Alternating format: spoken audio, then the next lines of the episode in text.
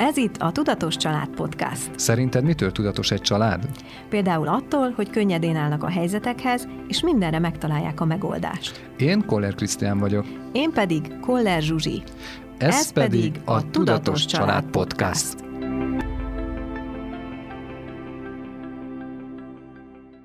Amikor a gyerkőc először megy iskolába, az mindig egy ilyen óriási mérföldkő a gyerek életében is, meg a szülő életében is. Az a kérdés, hogy hogy lehet ezt minél inkább gördülékenyé tenni, erről pedig Koller Krisztiánnal és Koller Zsuzsival beszélgetünk. Sziasztok! Szia! Szia. Szóval hogyan lehet gördülékenyé tenni az iskola kezdést? Ugye most még, amikor beszélgettünk, akkor még előtte vagyunk, úgyhogy van még pár nap az izgalomra, és ezt kérdezem inkább, hogy az izgalomra van még pár nap?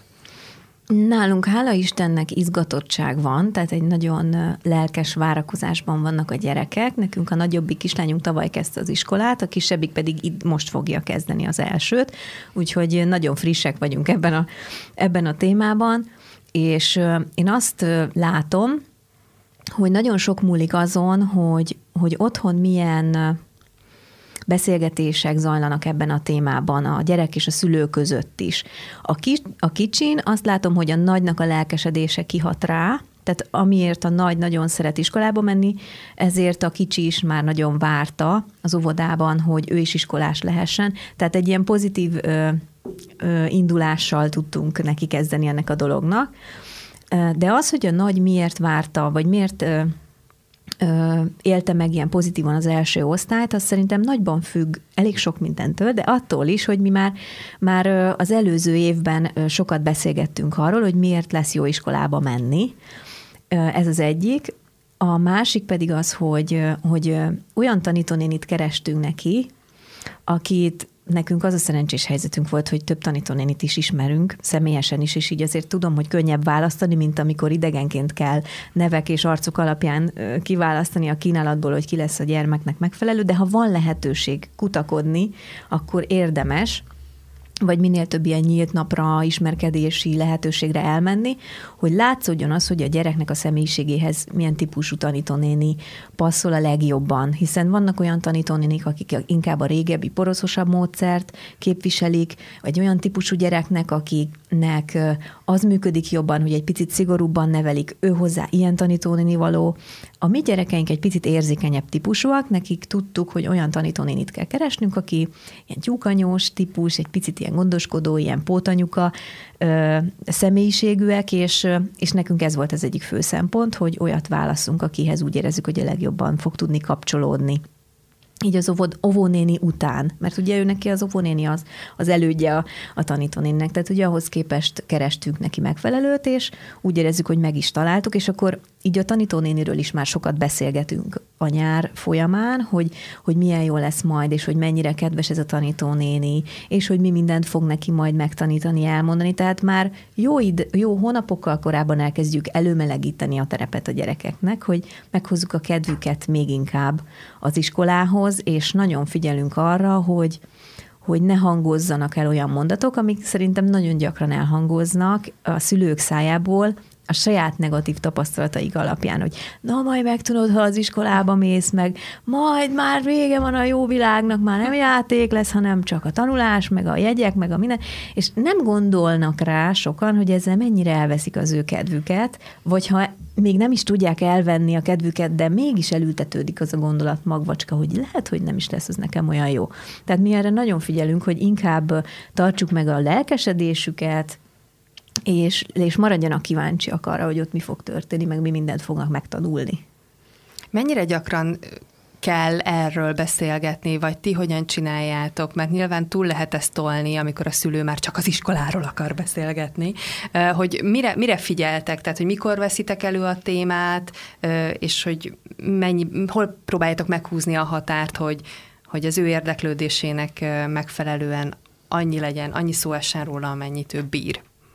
Hát én figyel, mi figyeljük azt, tehát azt javaslom, hogy érdemes figyelni, hogy a gyereknél ez egyáltalán szóba kerül-e. Nekünk az volt a szerencsénk, hogy ők, ők gyakran elővették ezt a témát, és maguktól is mondták, és akkor ami, amikor ők ezt behozták, akkor beszélgettünk erről egy kicsit.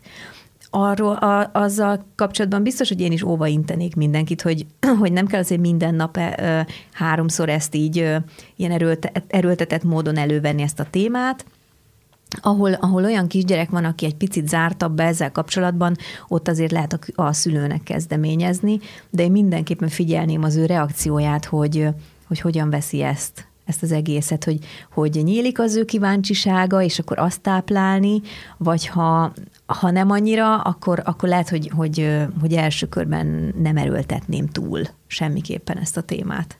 De mit gondolsz erről, Krisztián? Én nekem az a véleményem erről, hogy amikor az iskolába, hát nyilván, hogy ez a véleményem, tehát hogy mi ezt megbeszéltük így mi ketten, és ez fontos, hogy ezt a két szülő megbeszélje egymással, szerintem. Uh-huh, igen.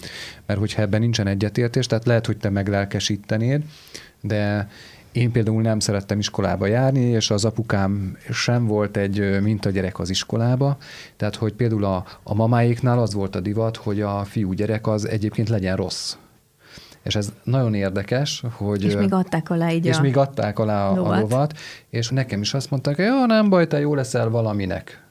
És akkor van ez a... Le, jó ugye, kezdés. Ugye? Tehát, hogy jó, nem baj, de, de hogy már tudtuk azt, hogy, hogyha ő nem úgy áll hozzá a tantárgyakhoz, vagy hát nem úgy áll hozzá az iskolához, meg a tanuláshoz, akkor már van egy ilyen indító kód. Például a testvér is lehet egy ilyen indulási nehézség, mert nálunk például jól teljesít mondjuk a nagyobbik, és óhatatlanul, és erre tényleg nekünk is kell figyelnünk, hogy elkezdjük őtől is ugyanezt elvárni, mint a nagytól.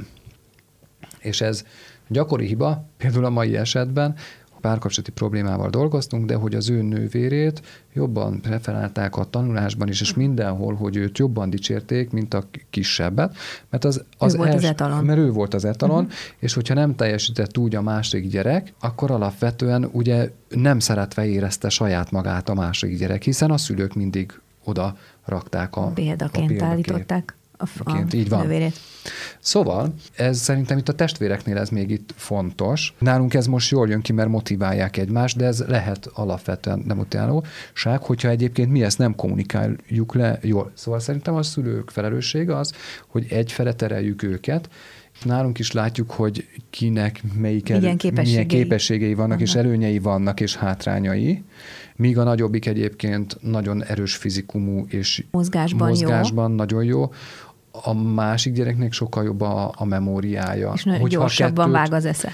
Hogyha a kettőt összehasonlítom. Múltkor tanultunk egy verset, és a kisebbiknél például ugyanannyit kellett játszanunk a szavakkal, meg ilyen elmutogatással, hogy az ovi végén ugye a, a verset, verset, búcsú verset megtanuljuk, hogy alapvetően ott is kiderült, hogy ezért őnek is sem biztos, hogy mi most úgy látjuk, hogy jobb neki a memóriája, de alapvetően nem jobb, mert ugyanúgy a tanulási készségeket nála is, neki is meg kell, tan- kell. meg kell tanulni, és fejleszteni ezeket lehet.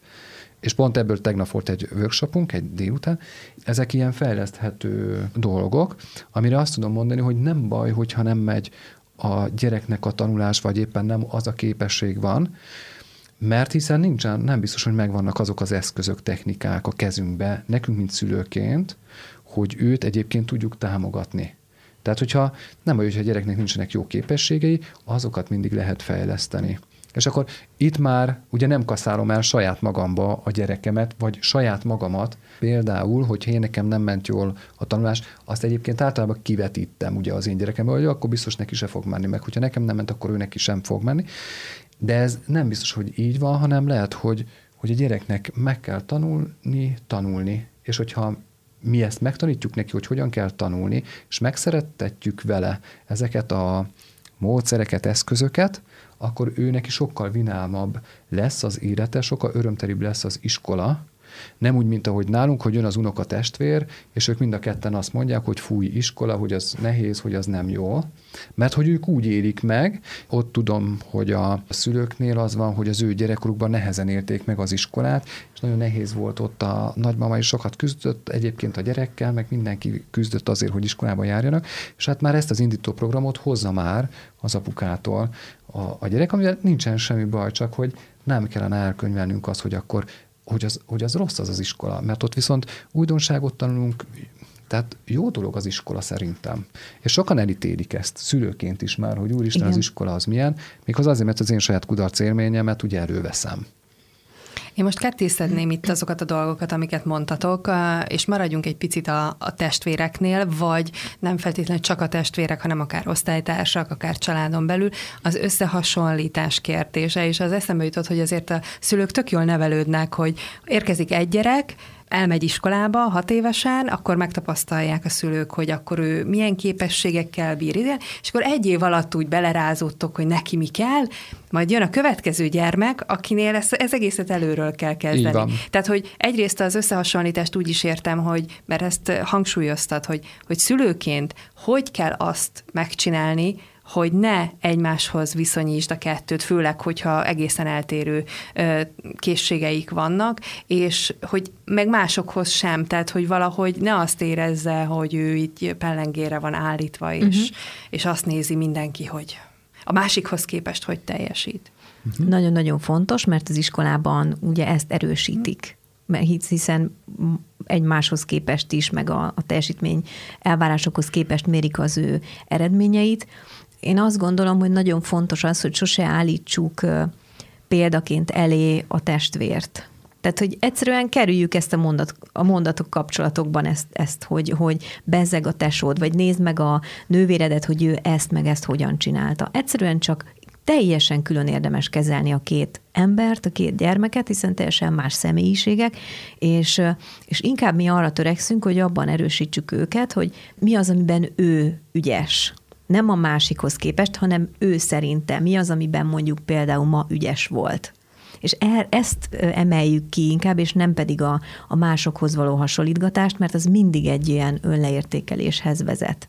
Tehát mindig a gyereket saját magához, saját magához kezdjük mérni. el mérni. A tegnapi önmagához hasonlítsuk hmm. őt. És hogy húzzátok vissza akkor, hogyha nem tudom, hogy ilyen nálatok ugye előfordult az elmúlt egy évben, bár mondjuk az egy érdekes tanév volt, de hogy, hogy amikor a gyerek maga akarja összehasonlítani magát valaki mással. És akkor ugye ott van megint, hogy akkor nektek kell őt visszahúzni, uh-huh. hogy, hogy hogy működik. Tehát, hogy ott mi a kommunikációs stratégia? Én mondjuk olyankor felhívnám a figyelmét valami olyanra, amiben, tehát hogy lehet, hogy igaza van, hogy abban a másik gyerek most ügyesebb volt, most, tehát hogy nem ez nem egy örökké valóság, uh-huh. hanem igen, most Ebben abban ügyesebb volt. Mi az, amiben te vagy ügyesebb nála. Mindenki ügyes valamiben. Tehát én ezt, ezt mondom nekik, vagy ezt mondjuk nekik mindig, hogy mindenki ügyes valamiben, és ezzel nem tudunk mellé lőni, mert ez így van valamiben. És ő keresse meg azt, hogy a mai nap éppen ő miben volt ügyes. Tehát, hogy én, igen, egyetérthetünk benne, hogy abban a helyzetben most ez így sikerült, de bíztatjuk őt abban, hogy akkor keresse meg, hogy mi az, amiben ő tud jobb lenni. Tehát akkor nem kell leírni a gyereket, nem. hogy akkor Hát igen, lehet, hogy te ebben gyengébb vagy. Így van, nem. Tehát, hogy igen, hogy nem te gyengébb vagy, hanem ez most nem úgy sikerült. Tehát nem a személyiségét jellemzem olyankor, hanem az akkori teljesítményét. Ez hatalmas különbség.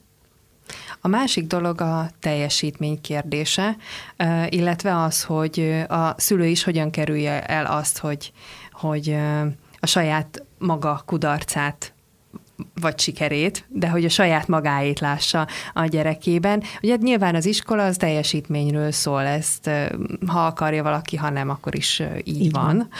És hát azért nyilván a, a szülők pedig azt gondolom, hogy többségében úgy állnak hozni, milyen jó lenne, ugye, hogyha az én gyerekem nagyon jól teljesítene, olyan jól, mint akár én teljesítettem mm-hmm. annak idején. Vagy jobban. Vagy jobban, mint én, igen. És aztán majd az élet rendezi, hogy ez így lesz-e, vagy, vagy sem, de ezt is meg kell tanítani a gyereknek, nem, hogy akkor így a teljesítményével mi a helyzet. Szeretnék tiszta vizet önteni uh-huh. a mhm. pohárba ezzel kapcsolatosan, mert mi azt mondjuk, hogy teljesíteni kell, de ez egy érdekes nézőpont, uh-huh én azt gondolom, hogy ha a gyerek örömmel tanul, mindegy, hogy mit teljesít, hogyha ő örömmel kíváncsi az új dolgokra. Szerintem az iskola ebből a nézőpontból ezért jó, hogy ott mindig tanulok újat, minden nap behoznak egy újat, és annak rá kell jönnöm a logikájára, hogy az hogy működik nekem. Tehát, hogy sajátomivá kell tenni. És ez az elsajátítás, azt, hogyha én ezt jól el tudom sajátítani, akkor annak automatikusan meg lesz a sikere.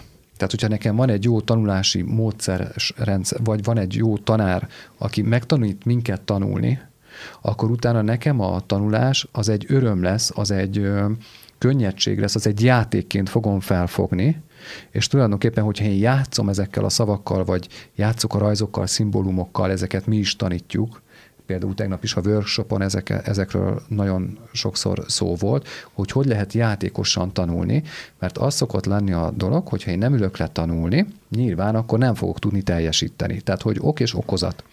És hogyha nem tudok teljesíteni, akkor egyébként egy idő után már nem ülök oda tanulni, mert kudarc élményem lesz benne. És ez így forog, hogy kudarc élményem van, jó, akkor már nem ülök le tanulni, mert nincs hozzá eszközöm, hogy hogyan tanuljak, ezért kudarc élményem lesz, és megyek így a mókus kerékbe. A negatív spirálba. A negatív spirálba, és egyre jobban elzárkózom, hogy akkor tényleg már rossz az iskola, már fáraszt az iskola, már ott csak teljesíteni kell, és egyébként nem tudok teljesíteni.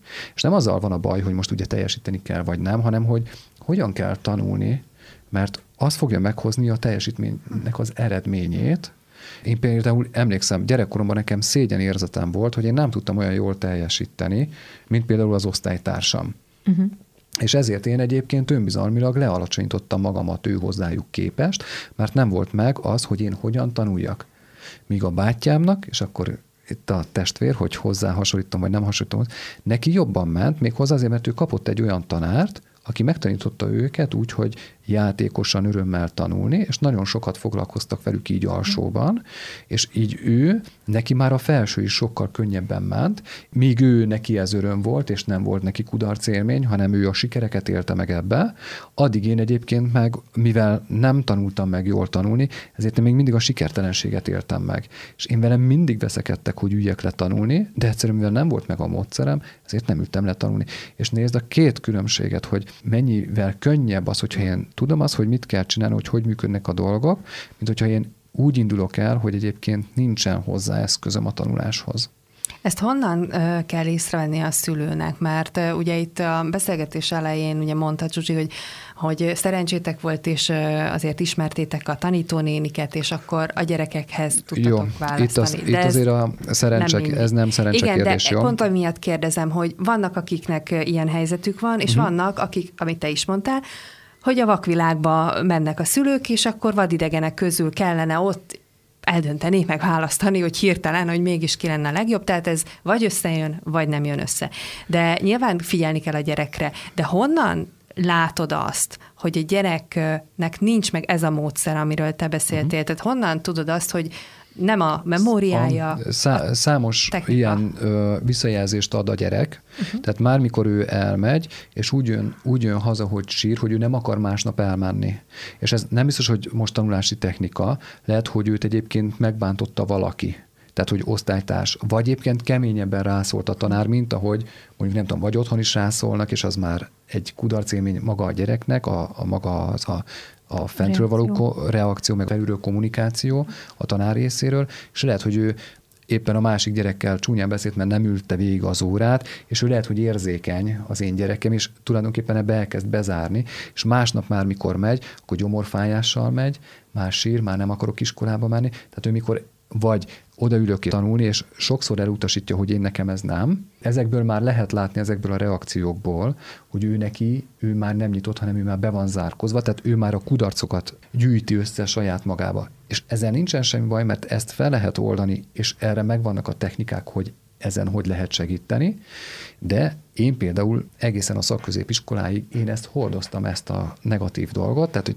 12 évig én ezt hordoztam magamba, mert nem volt meg ez a technika nem volt meg ez a, és nem volt meg az sem, hogy én hogyan kapcsolódjak a, a tanárral, mert nyilván, hogy ő ad nekem egy egyes, de elkezdem már utáni a tanárt is, és ezért egyébként a, a szülő engem meg akar védeni a tanár elől, és már a szülőt is behúztam, és akkor vagyok én ott a gyerek, és már mind, mind a három főnél, a tanárnál, a szülőnél, gyereknél, már mind a háromnál kudarcélmény van, Méghozzá pontosan azért, mert ugye a, a tanár a gyereken szeretné lemérni, hogy ő milyen tanár, a szülő szeretné a gyereken lemérni, hogy milyen szülő, szülő a gyerek meg szeretne jól teljesíteni mind a, mindenki felé, és egyszerűen nem megy neki.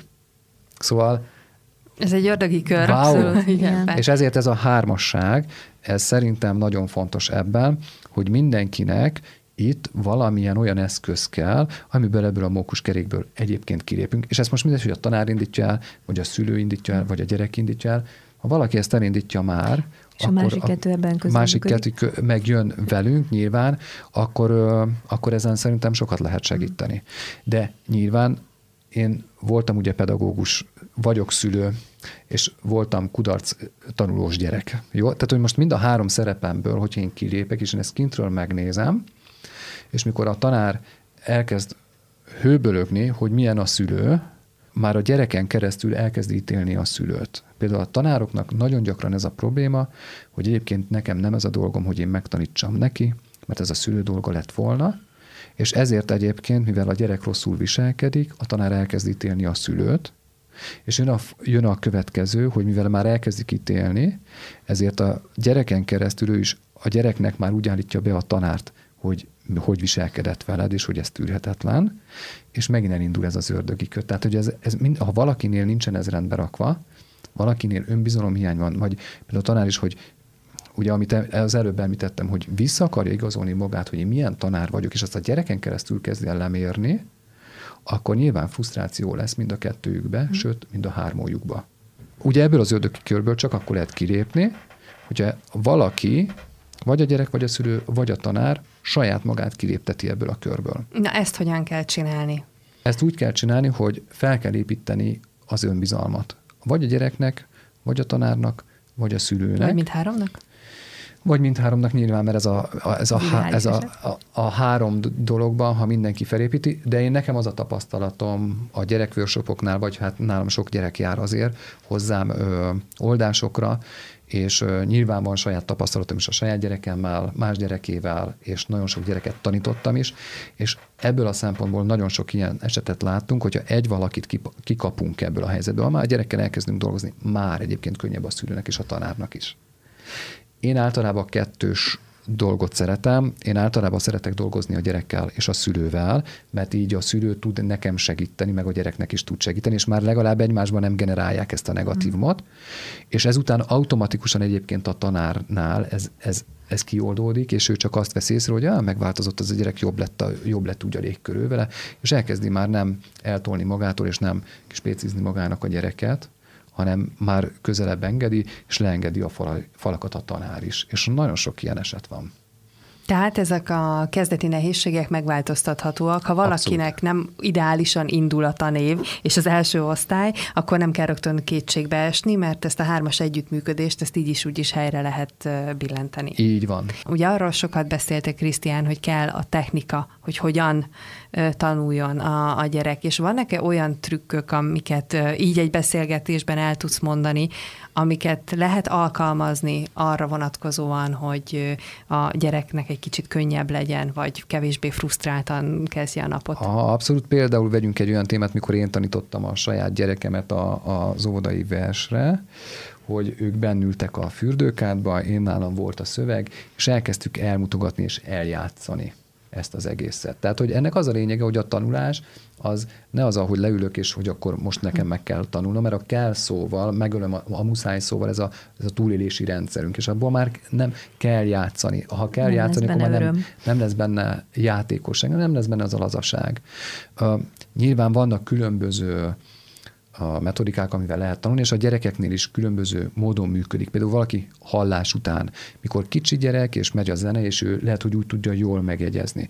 Nálunk azt tudom, hogy a mozgás az az működik. működik, tehát hogy ők szeretnek mozogni, csimpaszkodni, és a, a mozgás alapján elmutogattuk mi a, a, ezt a vers részletet, amit neki meg kellett tanulni, jó van az egész verset, elmutogattuk, és úgy tanultuk meg, hogy nem tudom, akkor almát vittünk oda, akkor megvakartuk a fejünket, mert ott a fejről volt szó. Hm. Szóval, hogy valami... A testet is bevontunk. A testet igen. is bevontunk, hogy akkor megyünk, és akkor elkezdtünk lépkedni, annál a mitten vers szak sornál. kezdeténél, vagy annál a sornál. Ö, ö, és akkor így elmutogattam neki, és akkor így tulajdonképpen kétszer tíz perc alatt megtanultuk, és hogy egyik est is nem baj, hogyha még nem ment az elején, addig mutogatjuk, amíg az nem megy. Ennek nyilván megvan a háttértudománya, a rövid memória, hosszú memória összefüggései, hogy a valagyfélteke egyébként a rövid memória, a jobb agyfélteke a, a hosszú memóriáért felel, és a stresszben vagyunk, a két agyfélteke között idegpálya lekapcsol. És hogyha ezt hogyan kell visszakapcsolni, erre megvannak különböző hmm. technikák. Ezért csináltuk meg ezt a négy órás workshopot, hogy ott egyébként minden szülőnek szeretnénk ezt megtanítani, hogy mi minden függ ettől a dologtól. És hogy ő mi mindent tud tenni, hogy segítsen a gyermeknek. Így van egy ilyen külön speciális dologra így rászakosodtunk, mert mm. azt vettük észre, hogy nagyon sokan nem tudják ezt hogyan kezelni, és hogy ebből jön egy olyan frusztráció, hogy vagy elmegyek egy másik iskolába, vagy nagyon piszkálják például a gyerekemet, és ha nem szedem ki ebből a piszkálásból, most így, akkor az örök életébe egyébként nyomot fog benne hagyni. Igaz, hogy téged is piszkáltak a gyerekkorban, és nem, tanult, nem tanítottak meg téged megvédeni Magamat. Mert, mert én azt gondolom, hogy ez a szülő feladata, hogy hogy véded meg magad gyerekkel. Mert hiszen én is meg kell, hogy védjem magamat, én hogy csinálom azt, akkor tudja megvédeni magát a gyerek, hogyha én elmondom, hogy én ezt hogy csinálom. Ha viszont a szülő nem tudja elmondani a gyereknek, hogy én ezt hogy csinálom, akkor a gyerek honnét tudná, és akkor bemegy, és akkor ott van a tanár, a tanár meg, meg hogy ezt miért nem tudod, és megint, mm, visszakap, megint egyedül vagyok úgy, mint a gyerek, hogy úristen, nekem fáj a hasam, most beszélek magamról, hogy bemegyek az iskolába, miért fáj a hasam? Neked ne fájjon, neked menni kell, de oké. Okay. De akkor miért nem teljesítesz így? Azért fájt a hasam, mert nem voltak meg ezek a módszerek a kezembe, és ezért stresszes voltam. Úgy mente be már az iskolába, hogy meg akartam felvenni, de nem tudtam, mert mindig rossz jegyet hoztam haza, és egyébként utána el, hazamentem, és az anyám meg az apukám azt mondta, hogy üljél a gyerek tanulni, de mivel nem volt kedvem leülni tanulni, ezért mindig veszekedtek velem, és jött megint a hasfájás, és utána megint el kellett mennem iskolába. Na és ilyenkor van az, hogy betűzavaros, ilyenkor van az, hogy figyelemhiányos, tehát hogy ezekben tikkerésekben, akkor van olyan, hogy be kell gyógyszerezni a gyereket, mert hogy fáj a has, és nem tudjuk, hogy mi a baja, pedig annak nem is testi, hanem annak már a lelki vetülete megy le a testre. Ezeket, hogyha elkezdjük így megfigyelni, akkor látni fogjuk, hogy helyén van a gyerek, a központjában van, jól érzi magát, vagy nem. Beszéltünk arról is, hogy a szülő hogy nevetítse ki saját magát, maga, maga történetét ugye a gyerekére. Itt ezért ez nagyon szép lenne, hogyha mindenki elvégezne egy tanfolyamot, és akkor ezt így kitörölte, és kész, ez nincs. De azért a valóságban az gyakoribb még akkor is, hogyha ha foglalkozol ezzel a dologgal, hogy, hogy egyszer csak jön egy nap, jön egy eset, ami lehet, hogy te már rég el is felejtettél, és így megnyomja rajtad azt az egy gombot, ami még esetleg ott maradt, uh-huh. és akkor kikelsz magadból, tehát, hogy akkor, akkor meg teljesen itt kútba dobod az eddigi mindent, mert Igen. hogy nem tudsz. Tehát, hogy mi van akkor, hogyha egy szülő azzal találkozik, hogy ő... Ö, elfogyott. Elfogyott, Igaz? és nem megnyomták azt a gombot. a gombot. Igen, megszületik a gyerek, kijön a hasamból. Jó, aztán akkor uh, szoptatom. Akkor utána meg eltelik ugye a kis, gyere, kis ágyas kor, akkor még, még távolabb kerül, akkor elmegy bölcsibe, akkor elmegy oviba, és akkor elmegy iskolába, és tulajdonképpen ő, mikor iskolás lesz, már kis felnőtt, most hívjuk így, idézőjelben, idézőjelben méghozzá azért, mert én már ott nem tudom kontrollálni őt, semmilyen szinten, hiszen ő már nélkülem van 8-tól 4-ig. Tehát, hogy most már többet vagyunk külön, mint amit együtt. És míg ő a kisgyerekkorban van, addig én többet vagyok vele, igaz, minden pillanatát ott vagyok, ó, van féltem, lehessen el, stb. stb. Igen, de mikor már ő iskolába megy, akkor én már nem vagyok ott vele, és sokkal több időt tölt nélkülem, és lehet, hogy ez bennem bekapcsolja, hogy úristen, biztos, hogy jól csináltam én idáig? És elkezdem megkérdőjelezni magamat, és ilyenkor bekapcsol az, hogy a, hogy a fogantatásnál, a születésnél, a kisgyerekkornál ott mit éltem meg vele, milyen konfliktusokat én el tudtam-e annyira engedni őt, hogy ő megtalálja saját magát az életére, életébe, és hogyha én nem tudtam elengedni, például akkor itt kapcsolódnak be ezek a, ezek a gombok, igaz? Igen. Hogy mikor elengedem, hogy úristen, biztos, hogy jól csináltam, és ahogy én elengedem, már nincs ott a kontrollom, és hogy nincs ott a kontrollom, ez bekapcsolja, lehet, hogy az én gyerekkoromat, úristen, hát akkor én velem nem foglalkoztak eleget, vagy, vagy én jól foglalkoztam a gyerekkel, és megkérdőjelezem magam, bizonytalan leszek, és ez bekapcsolja, amikor én várandós voltam vele, bekapcsolja a születést, és mindent megkérdőjelezünk magunkban, sőt, még a saját gyerekkorunkat is bekapcsolja ez az egész, hogy úristen, én, ő az iskolában hogy érzi magát, én hogy éreztem magamat és ezek így párhuzamosan elkezdenek futni így a, ezekbe, ezekbe az időkben. Ezzel nem dobtál fel szerintem senkit, de, de hogy ezekkel mit lehet, mert ugye ezek ilyen elbizonytalanító tényezők ráadásul, ezekkel mit lehet kezdeni, és egyáltalán az is fontos, hogy a szülő kell-e, vagy hogyan kommunikálja le a gyerek felé, amikor Hát amikor elborult. Jó, azért most ezt veszük meg, hogy ez most egy olyan téma, hogy ez a tudattalamban történik. Tehát ez nem tud, mm. tehát hogy az, hogy ő elborul, nem is tudja, hogy miért borul el. Mm. Jó, tehát hogy a szülőt ezért nem hibáztatjuk, nyilván. és a gyereket sem, nyilván, mert az életrendje, hogy ő elment az mhm. iskolába, az, hogy bennem mit kapcsol be, vagy mit kapcsol ki, az egy másik kérdés. Na igen, de hogyha mondjuk ugye lát rajtad mondjuk egy gyerek egy másfajta viselkedés, uh-huh. mint amit megszokott, akkor te azt lekommunikálod neki egyébként, hogy nem Abszolút. Tudom. Tehát, és Jó, hogy hogy? mondom igen. a példát, uh-huh. úgy, hogy nagyon, okay, fontos, hogy nagyon, igen. Nagy, nagyon fontos, hogy igen, tehát hogy én ezt uh-huh. kommunikálom ő felé, valamelyik reggel egyébként, ma, nem, tehát nálunk mindig az volt, hogy iskolába kell menni, akkor reggel veszekedés volt, hogy iskolába megyünk. Oké, okay? és nálunk is ez elkezdődött, hogy akkor ő nem kell fel időbe, bőle, bőle. Oké. Okay. És akkor én megkértem, hogy, hogy én nem szeretnék veled beszekedni, hanem arra szeretnélek kérni, hogy működjél velem együtt, hogy megpróbáljuk most, hogy, mert az elején megpróbáltuk, hogy 6.30-kor kell ébredni, 6.50-kor, tehát mi az ő ideje. És volt, mikor elhúztuk, hogy 7 óra 10-kor keltünk, és elkéstünk. És akkor nem az volt, hogy mm, megyünk és mm, feszülök, hanem hogy figyelj, ennek az a tanulság, hogy nem baj, hogy majd kicsikét elkéstünk, majd majd kimentjük magunkat a tanárnéninél, de holnap akkor kelljünk fel előbb, mert ez így nagyon ciki, neked is, meg nekem is.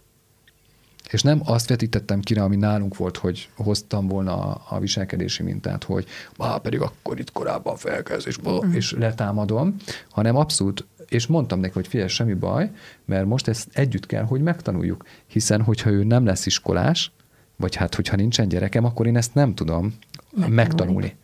Tehát, hogy ez egy oda-vissza működő játék, hogy engem is tanít a gyerekem, méghozzá az én apa szerepemet egyébként ö, tanítja meg.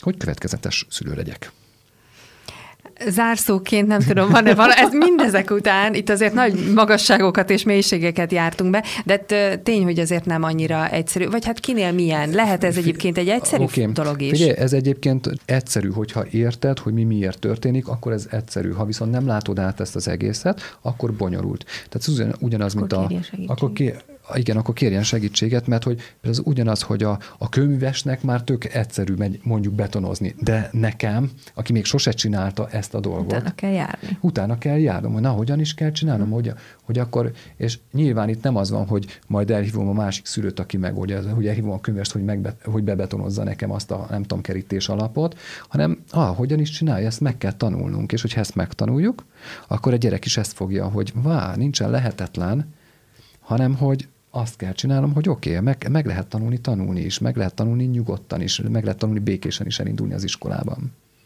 Így van, és, és a végére csak annyival kerekíteném ezt le, ha bárki most kicsit feszültnek érezné magát, hogy úristen, hogyan fogom én ezt véghez vinni, teljesen normális, nem lehet tökéletesen csinálni, mindenki bugdácsolva megy végig ezen az úton, és egyik, sem, ö, egyik szülő sem mondhatja el azt magáról, hogy én vagyok a legjobb, és nekem ez marha szuperül ment, és, és nem csináltam semmit ö, rosszul, hanem egész egyszerűen egy picit ö, próbáljuk meg azt ö, elengedni, hogy tökéletesen akarjuk ezt csinálni, mert amikor úgy érezzük, hogy valamit elhibáztunk, lehet, hogy utólag visszanézve rájövünk, hogy ja, ez nem is hiba volt, hanem ezzel sokkal tapasztaltabbak lettünk együtt, és valami módon mégis hozzájárult a fejlődésünkhöz ez a dolog, amit én akkor ott hibának véltem. Szóval nyugi, minden rendben lesz, nem tudjuk nagyon elszúrni, mert mindenre van megoldás. Igen, és egyébként, hogyha most úgy, úgy érezzük is, hogy valamit elszúrunk, vagy mit én ordítok reggel a gyerekkel, mert előfordul ilyen is, hogy Mindenki akkor előfordul. nyilván megyek a munkába, látom, hogy a gyerek nem akar öltözni, engem is nyom az, hogy meg, mert ugye ott is a két megfelelés összecsap, Igen. hogy neki is oda kell érni, és nekem is a munkába. Nekem is teljesítenem kell a munkába, meg neki is az iskolába, és ez, ez a teljesítés szó, ez ilyen tök erős. És úristen, akkor itt mindenki feszül, és megint itt van az, hogy oda kell érnem, és megölöm.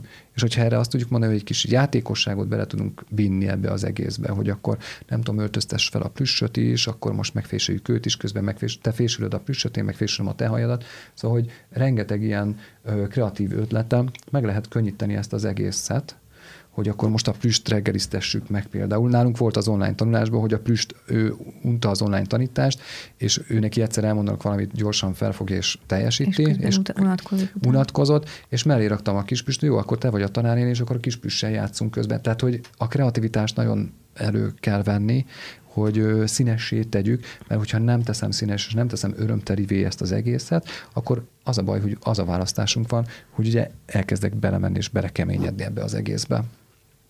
Úgyhogy az a cél, hogy örömteljes legyen ez az egész dolog, és Így minél van, könnyedén. És hogyha nem megy minden nap örömtelien, akkor, akkor is minden rendben van. van. Igen. Köszönöm szépen a vidám és magas felütést, akkor Krisztián és Zsuzsi, köszönöm szépen, hogy beszélgettünk erről. Köszönjük. Figyelj, várj még egy kicsit. Ha tetszett ez a rész, és úgy gondolod, hogy másnak is hasznos lehet, köszönjük, ha megosztod Facebookon vagy Instagramon. Iratkozz fel, hogy kapj értesítést az új részekről. Hagy nekünk öt csillagot vagy ajánlást, hogy másokhoz is eljuthassunk. Ez, Ez a Tudatos Család Podcast. podcast.